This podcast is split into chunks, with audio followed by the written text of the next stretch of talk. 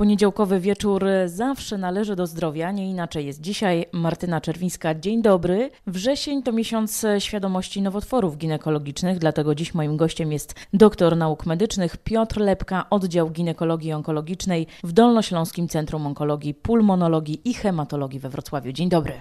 Dzień dobry, witam Państwa. Każdego roku notujemy podobno około 13 tysięcy zachorowań na nowotwory ginekologiczne, co stanowi aż 15% wszystkich zachorowań na choroby nowotworowe nowotworowe wśród kobiet. Jak duża skala problemu jest na Dolnym Śląsku? Jeżeli chodzi o nasz rejon Dolnego Śląska, no niestety obserwujemy coraz e, więcej tych zachorowań na nowotwory ginekologiczne. Wiąże się to z e, dwoma e, sprawami. Jedna jest taka, że diagnozujemy lepiej i troszeczkę szybciej te, no, te nowotwory, więc ta skala dlatego może być wyższa. Natomiast no, musimy zdawać sobie sprawę, że nasze społeczeństwo niestety jest coraz bardziej otyłe, a niektóre, niektóre choroby ginekologiczne są bardzo mocno powiązane z, z wagą ciała, którą, którą mamy. Jest to jeden z głównych czynników ryzyka rozwoju chorób nowotworowych, szczególnie raka endometrium. Czyli sami sobie można powiedzieć, trochę na niego pracujemy. No, na styl życia na pewno wpływa w bardzo dużej mierze na to, czy zachorujemy na chorobę nowotworową. Oczywiście są takie, na które nie mamy wpływu. Są to e, choroby nowotworowe, które rozwijają się e, z uwagi na mutacje genetyczne, które e, odziedziczymy z naszego E, od naszych przodków. E, I tutaj rzeczywiście sytuacja jest bardzo trudna, bo mówimy głównie, jeśli chodzi o nowotwory ginekologiczne, o raku jajnika. E, jest to choroba bardzo podstępna, która rozwija się cicho, natomiast nie mamy żadnego screeningu, żadnego badania, gdzie moglibyśmy wykryć ją na wczesnych etapach. I najczęściej pacjentki trafiają w trzecim i czwartym stopniu zaawansowania, gdzie operacje mm, są bardzo trudne, rozległe i oczywiście oprócz leczenia chirurgicznego konieczna jest chemioterapia. Wspomniał Pan o nowotworze jajnika. Mm, jakie jeszcze nowotwory ginekologiczne dręczą nas?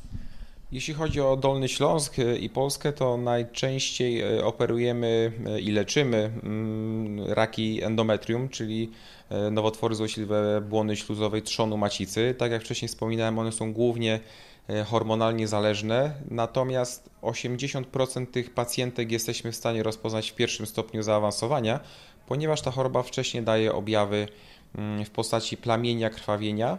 E, chciałbym tutaj mocno podkreślić, że najczęściej dotyka kobiet po menopauzie, dlatego jeżeli któraś z pacjentek mm, doświadczy objawów w postaci plamienia, krwawienia po menopauzie, jest to bardzo mocny sygnał, żeby zgłosić się jak najszybciej do ginekologa i wykonać dodatkowe badania. Wcześniej wykryta choroba w wielu przypadkach może być wyleczalna. Mimo powtarzania jak mantry, to wciąż wiele osób unika badań. Jak pan myśli, z czego to wynika, bo pan na co dzień ma kontakt z tymi pacjentami? To jest strach, że ta diagnoza i nasze podejrzenia się potwierdzą, czy może w przypadku nowotworów ginekologicznych czasami wstyd? Na to pytanie bardzo ciężko jednoznacznie odpowiedzieć, bo mamy cały przekrój e, przyczyn, dlaczego pacjentki nie zgłaszają się na regularne kontrole gine ginekologiczne i rzeczywiście, tak jak pani redaktor wspomniała, strach przed diagnozą jest bardzo, bardzo silny.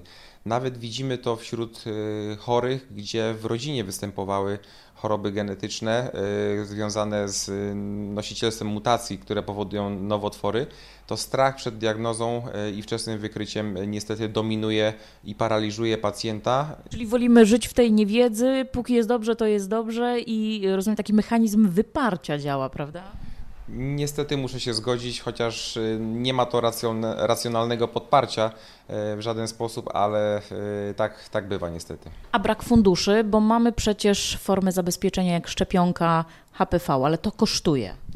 Jeżeli dotykamy tutaj problemu szczepionki HPV, czyli to, przed czym ona chroni rakiem szyjki macicy, obecnie we Wrocławiu mamy program szczepień dziewczynek i chłopców bezpłatny, dlatego to jest bardzo, bardzo dobra inicjatywa.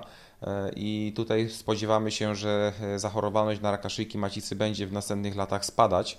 Natomiast mamy dużą dziurę pokoleniową pomiędzy osobami, które e, są zaszczepione, a gronem, gronem osób, które nie są, nie są zaszczepione.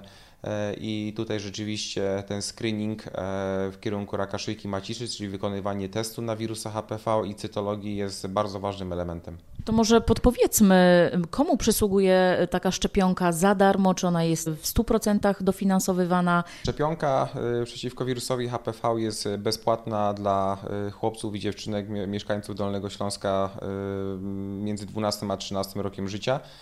Można te informacje w Urzędzie Marszałkowskim uzyskać na stronie internetowej. Można też zapytać swojego lekarza rodzinnego. Na pewno są oni poinformowani, gdzie takiego pacjenta E, przekierować. Natomiast e, musimy zdawać sobie sprawę, że to mm, nie tylko dziewczynki i chłopcy w wieku 12-13 lat powinny być szczepione, natomiast bezpiecznie możemy się szczepić do 45 roku życia. Taka szczepionka jest zatwierdzona przez e, instytucje naukowe. Mm, mamy szczepionkę w Polsce, która jest refundowana i naprawdę myślę, że E, spokojnie w, e, można to porównać do, do kosztów e, wizyty u fryzjera czy kosmetyczki. Można sobie sprezentować naprawdę zmniejszenie ryzyka na zachorowanie raka szyjki macicy. To ile trzeba przygotować, przepraszam, że wchodzę w słowo, ile trzeba przygotować tych pieniędzy? Z tego co się orientuję, to refundowana szczepionka dwuwalentna to jest koszt około 150 zł i potrzebujemy trzy takie dawki. Natomiast y, występuje również szczepionka dziewięciowalentna, której koszt jest troszeczkę, y, troszeczkę wyższy. Y, natomiast no tutaj wiadomo, im więcej genotypów, czyli typów tego wirusa pokryjemy szczepionką, tym, tym lepiej. Przekonywać chyba nie trzeba, prawda? To jest skuteczna ochrona? To jest bardzo skuteczna ochrona. Przekonywać niestety trzeba. Codziennie przeprowadzam kilka, jak nie kilkanaście takich rozmów czy ta szczepionka jest bezpieczna, czy na pewno odniosę korzyść, pomimo tego, że rozpoczęłam już życie seksualne. Więc krąży na ten temat wiele mitów, które na co dzień muszę obalać. W dniu dzisiejszym mam webinar akurat o tym, jak szczepić pacjentki i jak z nimi rozmawiać po 26 roku życia, aby jak najbardziej je zabezpieczyć. Jeżeli jesteśmy przy tej szczepionce, to muszę powiedzieć, że nie jest to tylko rak szyjki macicy, są to również nowotwory odbytu, są to również nowotwory głowy i szyi, gdzie w Stanach Zjednoczonych szczepionka ta jest zatwierdzona już do profilaktyki nowotworów głowy i szyi, bo coraz bardziej zwracamy uwagę e, na powiązanie infekcji wirusem HPV z nowotworami głowy i szyi, więc e, na pewno jest to bezpieczna szczepionka. Rekomenduję wszystkim E, jak tylko, jak tylko mogę, bo, bo wierzę i wiem o tym na podstawie badań naukowych, że jest to niezmiernie ważny e, element naszej, naszej profilaktyki. Rozmawiamy o szczepionce HPV, ale mamy też cytologię, której e, wciąż unika wiele kobiet, a ona powinna być taką podstawą, jeśli chodzi o profilaktykę nowotworów, prawda? Mm, to tutaj, Pani Dyrektor, oczywiście się zgodzę. Każdy, mm, jeżeli dotykamy cytologii, to E, jest to program profilaktyczny, który ma wykryć skutki działania wirusa HPV, czyli zmiany przednowotworowe na szyjce macicy. W wielu krajach europejskich, w tym w Polsce, również e, towarzystwa naukowe zalecają już zmiany cytologii na sam test na wirusa HPV. Istnieje możliwość połączenia e, cytologii i testu na wirusa HPV, czyli tak zwany co-testing.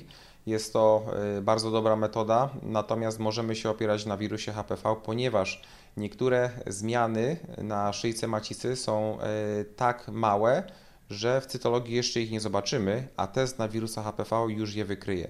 Dlatego wtedy mamy możliwość pogłębienia diagnostyki i zobaczenia pod mikroskopem, co się na tej szyjce, co się na tej szyjce dzieje i to jest e, to, gdzie ta, gdzie ta profilaktyka będzie zmieniać w tym kierunku. Nie, będziemy odchodzić od cytologii na rzecz testów na wirusa HPV. Nie chciałabym tylko, żeby to tak zabrzmiało, że nie musimy już robić cytologii, bo chyba nie o to chodzi.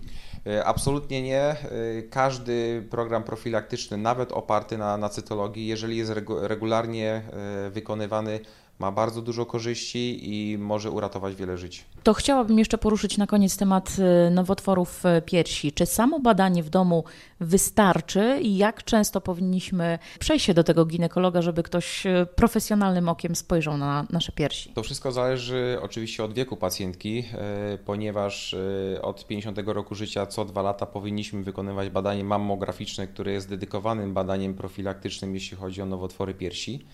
Natomiast od 18 roku życia powinniśmy e, raz w miesiącu wykonywać samo badanie piersi. Pacjentka bardzo dobrze zna, zna swoje piersi, trzeba to robić w pierwszej fazie cyklu.